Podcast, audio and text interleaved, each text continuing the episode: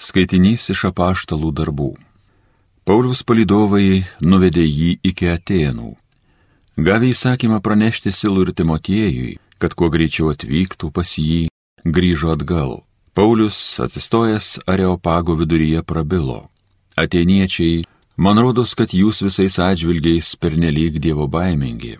Vaikščiodamas ir apžiūrinėdamas jūsų šventenybės, radau aukurą su užrašu - nežinomam dievui. Taigi aš noriu skelbti jums tai, ką jūs nepažindami garbinate.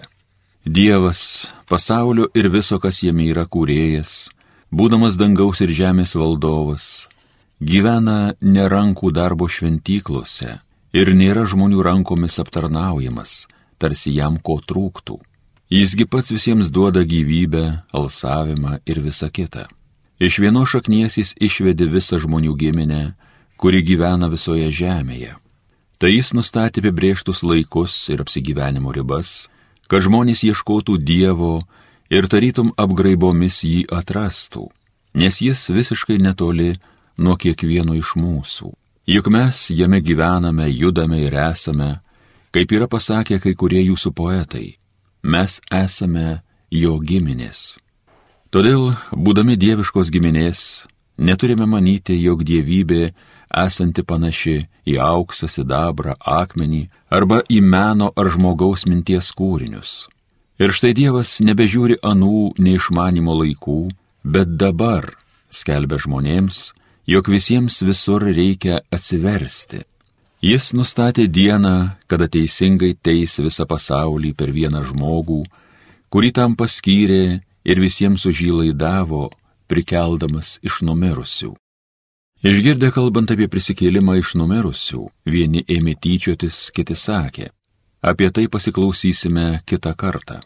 Šitai Paulius paliko jų būrį. Vis dėlto kai kurie vyrai stojo į jo pusę ir prieėmė tikėjimą. Jų tarpe Dionizijas, Areopago narys, viena moteris vardu Damaridė ir jų draugai. Tai Dievo žodis.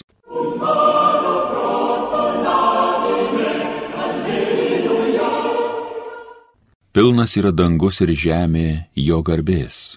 Garbinkite viešpatį danguje, šlovinkite jį ten aukštybei, šlovinkite jį visi angelai, šlovinkite viešpatį dangaus kareivijos. Pilnas yra dangus ir žemė jo garbės. Žemės valdovai ir visos tautos, jūs kunigaikščiai ir žemės teisėjai, jaunuoliai ir mergaitės, seneliai su mažutėliais, pilnas yra dangus ir žemė jo garbės. Garbinkit viešpaties vardą, nes jisai vienas didingas, jo jo šlovė aidi po dangų ir žemę. Pilnas yra dangus ir žemė jo garbės.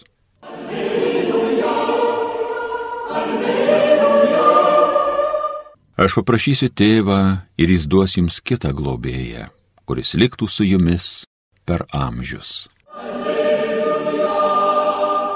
Iš Evangelijos pagal Joną. Jėzus kalbėjo mokiniams. Dar daugiau jums turėčiau kalbėti, bet jūs negalite pakelti. Kai teistoji tiesos dvasia, jūs jį ves į tiesos pilnatvę. Ji nekalbės iš savęs, bet skelbs, ką bus išgirdus ir praneš, kas dar turi įvykti. Ji pašlovins mane, nes ims iš to, kas mano ir jums tai paskelbs visa, ką turi tėvas, yra ir mano. Todėl aš pasakiau, kad ji ims iš to, kas mano ir jums tai paskelbs. Girdėjote viešpaties žodį. Alleluja, alleluja, alleluja. Jėzus savo sekėjams toliau kalba apie šventąją dvasę. Ir nenuostabu, nes artinasi didžioji sėkminių iškilmė. Kartais mes tai priemame kaip vieną iš daugelio švenčių, bet tai iš ties kertinis atpirkimo momentas. Po žmogaus atpirkimo, po Jėzaus mirties ant kryžiaus mes tapome Dievo vaikais. Ir per krikštą esame panardinti mistinėme Kristaus kūne. Tačiau tai tik darbo pradžia. šventoji dvasia yra ta, kuri įgalina mumise Dievo veikimą, kuri atstato prarastą Dievo vaikų veidą ir kuri veda mus į tiesos pilnatvę. Pats Jėzus kalba savo mokiniams, dar daugel turėčiau jums kalbėti, tačiau dar nesate pajėgus priimti. Ne todėl, kad nebūtų įmanoma surašyti vieno ar kito pamokymų rinkinio, sudėlioti gyvenimo taisyklės, tačiau tam, kad suvoktum, ką Jėzus nori mus išmokyti, reikia visų pirma pačiam pasikeisti. Reikia perkeisti savo širdį, reikia perkeisti savo akis, perkeisti mąstymą, kad matytume pasaulį Dievo akimis. Ir todėl Jėzus kalba apie šventąją dvasę, kurią atsiūs savo mokiniams, kad jie būtų pajėgus priimti Dievo siūstą meilės ir atleidimo žinę. Dvasia apaštalus lydės ir ateities iššūkiuose. Tai, kas buvo svarbu prieš 2000 metų, šiandien nublanksta, o dabar kylantis įvairūs socialiniai ir istoriniai iššūkiai iš naujo reikalauja bažnyčios atsakymo, krikščioniško atsiliepimo. Ir čia reikalinga šventosios dvasios perkeista širdis, dvasios vedama išmintis ir vadovavimas. Todėl esame kviečiami ne tiek siekti galbūt išmokti visas įmanomas taisykles, visus įmanomus Dievo įsakymus, bet visų pirma persikeisti, leisti, kad Dievo dvasia mus perkeistų ir duotų mylinčias ir gailestingas širdis. Tuomet įvairūs iššūkiai, įvairūs klausimai tarsi savaime atras kelią iš mūsų širdies į mūsų protus ir ves mus į artimesnę bendrystę su viešpačiu. Vis dar siekiame galutinio supratimo.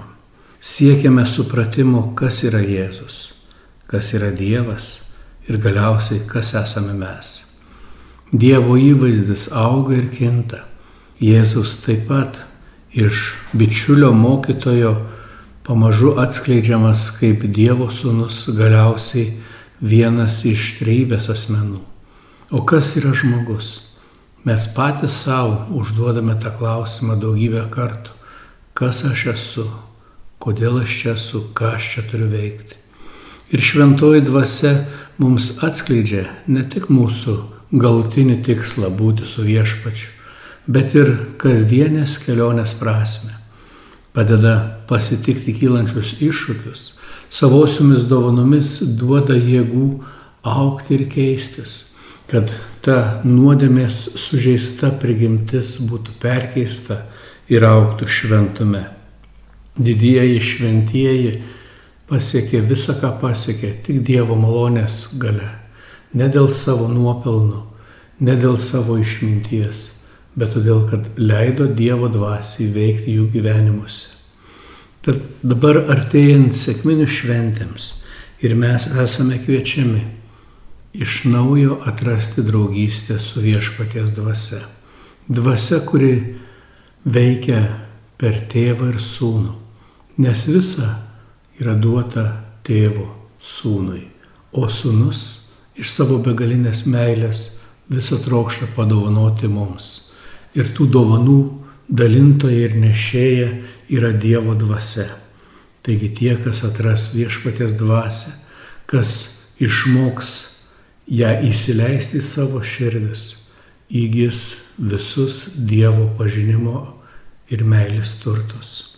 Tad linkiu, kad tas švento rašto žodis, kuris ragina priimti ir leistis vedamiems Dievo dvasios iš ties mūsų purtytų ir pasakytų, tau yra skirta be galo daug, tau yra skirti visi Dievo malonės turtai. Tiesiog atverk savo širdis, atverk savo akis, atverk savo protą ir leiskis, kad Dievo dvasia vestų tave į naują gyvenimą, kur regėsime Dievą veidas į veidą ir būsime į jį panašus.